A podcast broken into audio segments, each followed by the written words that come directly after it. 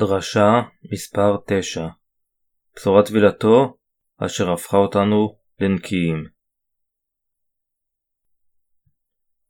אלה האפסיים, פרק 2, פסוקים 14-22 כי הוא שלומנו, אשר עשה השניים אחד, והרס מחיצת הגדר. בבטלו האיבה בבשרו, את תורת המצוות והחוקות, לברוא בנפשו את השניים, לאדם אחד חדש, ויעש שלום.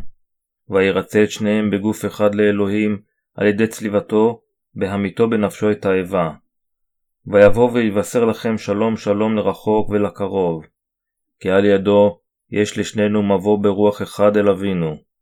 לכן אינכם עוד גרים ותושבים, כי בני עירם של הקדושים, ובני בית אלוהים אתם. בנויים על יסוד השליחים והנביאים, וישוע המשיח הוא אבן הפינה. אשר חובר בו יחד הבניין כולו, עד אשר יגבה להיכל קודש לאדוני, ובו נבנים גם אתם להיות משכן אלוהים ברוח. הילדה שניתנה לאימוץ בגלל העוני חצי מאה עברה מאז סוף מלחמת קוריאה, אך היא השאירה פצע עמוק בין הקוריאנים. אחד מספיחי מלחמת קוריאה היה שילדים רבים צעירים אומצו בארצות חוץ. אפילו שכוחות האו"ם באו לקוריאה ועזרו לנו במידה עצומה, לאחר שהחיילים עזבו, הרבה ילדים נשארו יתומים מאב. הרבה מחיילי האו"ם אשר היו להם ילדים ונשים כאן, השאירו מאחור את משפחותיהם כאשר הם חזרו לביתם. רבים מילדים אלו נעזבו על ידי אמותיהם בבתי יתומים, ולאחר מכן נשלחו לאימוץ במדינות חוץ. למעשה, זה היה מזל גדול שילדים אלה מצאו הורים מאמצים וזכו לגדול בצורה נאותה. כאשר גדלו הילדים המאומצים הללו, הם הבינו שהם נראים לגמרי שונה מהוריהם ומשכניהם, ונודע להם שהם אומצו מארץ רחוקה בשם קוריאה. מדוע הוריי זנחו אותי? האם שלחו אותי למדינה זו מפני שהם שנאו אותי? במוחם הצעיר, הילדים לא יכלו להבין מה קרה. הסקרנות והשנאה כלפי הוריהם האמיתיים החלו לצמוח ביחד עם ההשתוקקות לפגוש אותם. אני תוהה כיצד נראים הורים, כיצד הם יכלו לנטוש אותי. האם הם עשו זאת בגלל שהם שנאו אותי? לא, יש קרוב לוודאי סיבה לכך. כנראה, היו לילדים הרבה אי הבנות, ולפעמים הם הרגישו אף שנאה יוקדת. אך בבוא הזמן, הם החליטו לא לחשוב על כך יותר. לפני שהם היו אפילו מודעים לכך, הזמן עבר, הם התבגרו, התחתנו, גידלו ילדים והקימו משפחה בעצמם. התחלתי להתעניין בילדים אלו דרך תוכנית באחת מרשתות הטלוויזיה המקומיות.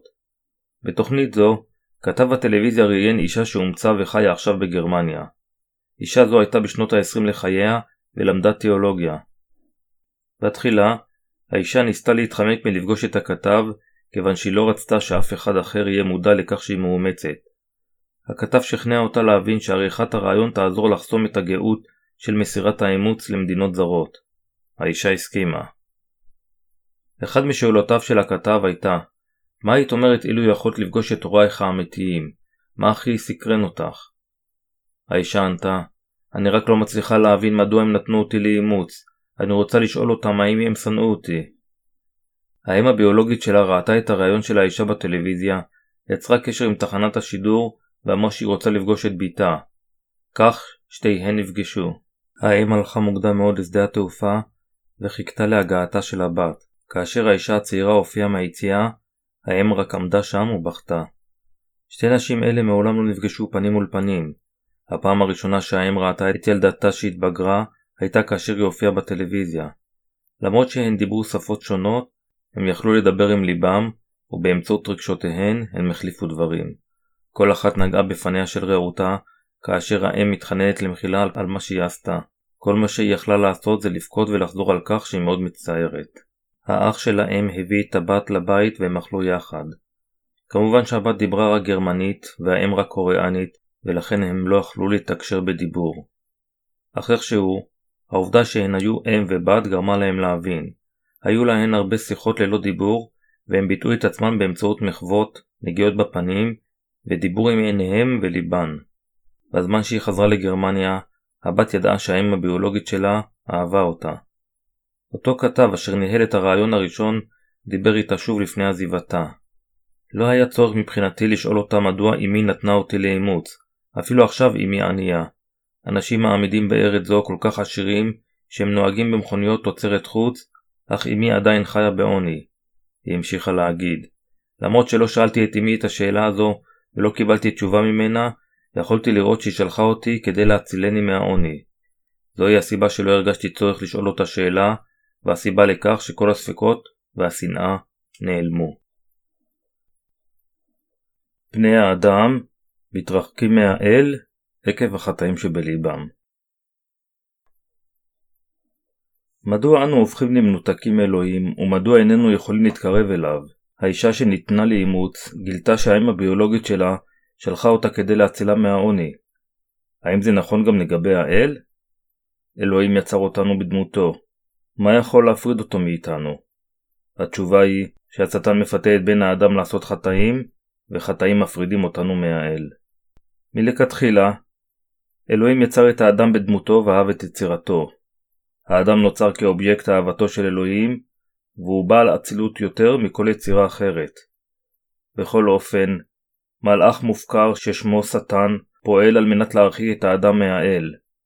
השטן מפתה את בן האדם לא להאמין בדברי האל, וגורם לו לאכול את פרי עץ הדעת טוב ורע. כך הופרד האדם מאלוהים עקב חטאו. האדם המרה את פי האל. האדם לא אכל את פרי עץ החיים אשר נותן חיים נצחיים ואשר אלוהים אפשר, אלא במקום זה אכל את הפרי האסור אשר נותן לו ידע על הרע. התוצאה הייתה שהאדם מופרד מאלוהים. קודם לכן, מושא אהבתו של אלוהים, האדם, המרה את פיו והתרחק ממנו מתוך יהירות. לבסוף, האדם התנכר מאלוהים עקב החטא אשר שכן בליבו. לאחר מכן במשך זמן רב, האדם חי באופן נפרד מאלוהים, והתלונן, מדוע אלוהים נטש אותנו לאחר שיצר אותנו? מדוע הוא מאפשר לנו לעשות חטאים?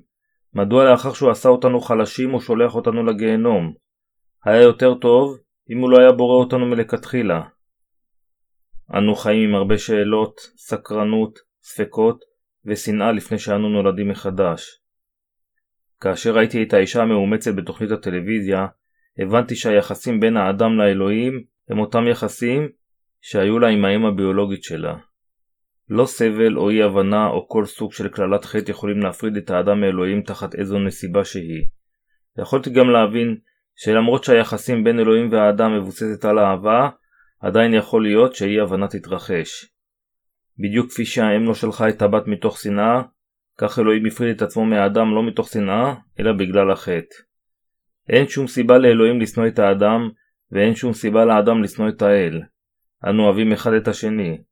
הסיבה שהאדם נשאר מופרד מאלוהים, היא שהוא הפך לחוטא לאחר שנכנע להולכת השולל של השטן.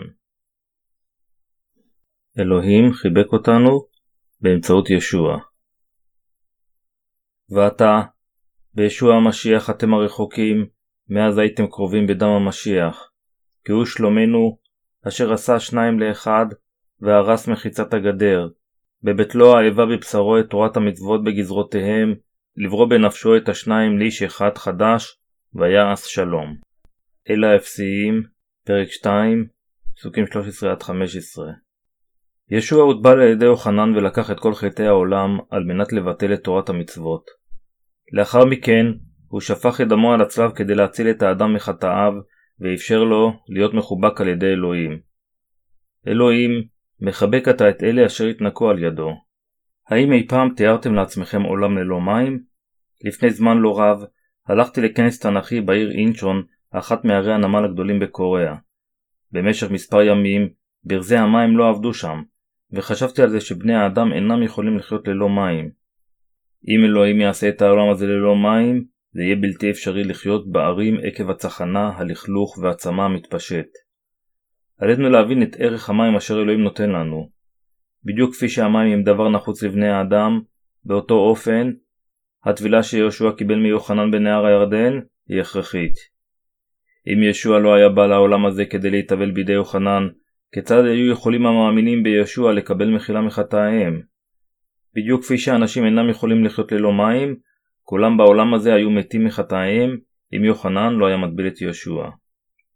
בכל אופן, כיוון שטבילת יהושע לקחה את כל חטאינו, אנו יכולים להיות בטוחים בהכרה שליבנו התנקה ושהתברכנו בגאולה. טבילת ישוע היא קריטית לאמונתנו. נוסף על כך, טבילתו היא בהחלט נחוצה בשבילנו כדי לקבל את שכנתה של רוח הקודש. פטרוס, אחד מתלמידיו של יהושע אמר, וזהו אות הטבילה אשר כעת תושע גם אותנו, על ידי הקמת ישוע המשיח. הראשונה לפטרוס, פרק 3, פסוק 21. הצהרתו של פטרוס אומרת שיהושע הוטבע לידי יוחנן המטביל ושפך את דמו כדי להושיענו מחטאינו. טבילת ישוע אשר שטפה את כל החטאים היא הבשורה האמיתית. עתה, הבה נסתכל על הקטע שמדבר על כיור הנחושת בספר שמות, פרק 30, פסוקים 17-21. וידבר אדוני למשה לאמור, ועשית כיור נחושת וקנו נחושת לרחצה, ונתת אותו בין אוהל מועד ובין המזבח, ונתת שם מים. ורחצו אהרון ובניו ממנו את ידיהם ואת רגליהם, בבואם אל אוהל מועד ירחצו מים, ולא ימותו, או בגישתם אל המזבח לשרת להקטיר איש אל אדוני. ורחצו ידיהם ורגליהם ולא ימותו, והייתה להם חוק עולם לו ולזרעו לדורותם. במשכן היה את כיור הנחושת אשר נמצא בין אוהל מועד לבין המזבח, ואשר הכיל מים לשטיפה. אם הכיור לא היה במשכן, עד כמה מלוכלכים היו הכהנים אשר מקריבים את הקורבנות. כמה דם ולכלוך היה מחתים את הכהנים אשר הקריבו כל כך הרבה קורבנות יומיומיים למען האנשים, סמכו את ידיהם על הקורבנות ושחטו אותם. אם הכיור מנחושת לא היה, הכהן היה מתלכלך מאוד. זוהי הסיבה שאלוהים הכין את הכיור בשבילם, כדי שהם יוכלו להתקרב אליו עם ידיים נקיות. החוטאים העבירו את חטאים על ידי סמיכת ידיהם על ראש קורבן החטא, ואז הכהן היה מקריב אותו לאלוהים למענם. אלוהים הכין את כיור הנחושת, כך שהכהנים יוכלו להיכנס לקודש ולרחוץ עם מים, כדי שלא ימותו. אפילו כהן לא יכל היה להיכנס לקודש כאשר הוא מוכתם בדם החיה. זוהי הסיבה לכך שהכהנים, לאחר שהקריבו את הקורבנות למען האנשים, שטפו את כל הלכלוך עם המים בכיור, על מנת להתקרב לאלוהים. טבילת יהושע שטפה את כל חטאי העולם. באמצעות טבילתו של יהושע בידי יוחנן בנהר הירדן, כל חטאי העולם הועברו עליו. שקיעתו המוחלטת במים מסמלת את מיתתו, ועלייתו מן המים מסמלת את תחייתו. במילים אחרות, יהושע הוטבל על ידי יוחנן כדי לקחת את כל חטאי העולם, שילם את חובות החטאים ומת על הצלב. מיתתו הייתה כדי לשלם את המחיר של חטאינו, ותחייתו נתנה לנו חיי נצח. אם לא היינו מאמינים שיהושע לקח את כל החטאים באמצעות טבילתו, ליבנו היה מלא בחטאים. במקרה כזה, כיצד היינו יכולים להתקרב לאלוהים? בשורת מחילת החטאים היא לא איזו דוקטרינה של זרם אחד, אלא האמת של אלוהים. איננו יכולים להוביל את אמונתנו ללא ידע מושלם. במילים אחרות, איננו יכולים להתגבר על העולם אם לא אכפת לנו באמת אם יהושע הוטבל על ידי יוחנן. בדיוק כמו שכל הדברים החיים זקוקים למים על מנת להמשיך את חייהם, אנו זקוקים למחילת חטאים ולמי טבילתו של יהושע כדי לחיות באמונה ולהיכנס למלכות השמיים. ישוע היה צריך להתאבל, למות על הצלב ולקום לתחייה על מנת להושיענו מחטאינו.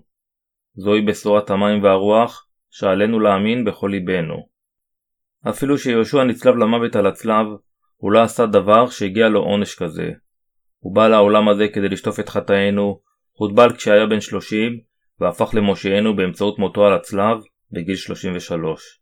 לא משנה עד כמה אנו חוטאים וחלשים, אלוהים רצה להפוך את בני האדם לילדיו. זוהי הסיבה שיהושע הוטבל. אלוהים נתן לנו את מחילת החטאים ואת רוח הקודש באותו זמן. אם לא יולד איש מן המים והרוח, לא יוכל לראות את מלכות האלוהים ולא לבוא אליה. יוחנן, פרק 3, פסוקים 3-5 עליכם לדעת ולהאמין שיהושע הוטבל על מנת לשטוף את כל חטאינו. אפילו אם מישהו הוא נוצרי שנולד מחדש, אם הוא לא יהרהר באמת שיהושע המשיח לקח את כל חטאי העולם באמצעות טבילתו, לאחר זמן קצר, ליבו יתלכלך.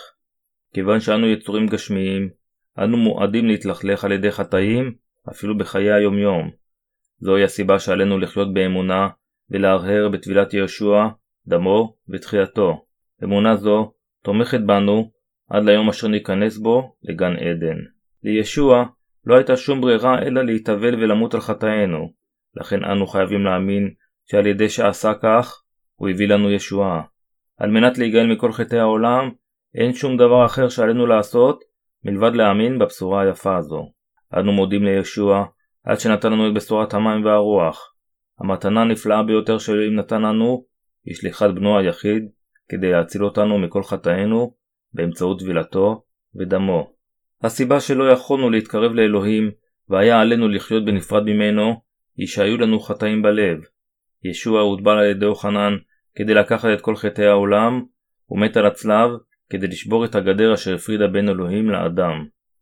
היחסים בין בני האדם לאלוהים הושבו על כנם עם טבילתו ודמו.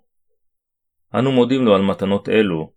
האהבה של ההורים הביולוגיים לילדם היא נפלאה, אך אינה יכולה להתחרות עם אהבתו של אלוהים, שבאמצעותה ישוע הושע אותנו החוטאים. גם טבילת ישוע וגם דמו חשובים שניהם. אם לא היו מים בעולם הזה, האם איזה דבר חי היה שורד? ללא טבילת יהושע, אין אפילו אחד ללא חטא בליבו. אם ישוע לא היה מוטבל ולא היה מת על הצלב, אף אחד לא היה מקבל את מחילת החטאים. למרבה המזל, ישוע הוטבל ועשה את הקורבן המוחלט בשבילנו. למרות שיש לנו חסרונות ואנו עלולים לשגות, אנו יכולים לקבל את רוח הקודש על ידי האמונה בטבילתו ודמו על הצלב. האנשים אשר מאמינים בטבילת ישוע ומותו על הצלב יכולים להתקרב לאלוהים, להתפלל אליו ולהללו. עתה, אנו מסוגלים להלל את אלוהים ולעבוד אותו כיוון שהפכנו לילדיו. זה חסדו וברכתו של אלוהים. בשורת תביעת יהושע ודמו על הצלב היא באמת נפלאה. אנו כולנו יכולים להשיג גאולה ואת שכינתה של רוח הקודש על ידי האמונה בבשורה היפה הזו.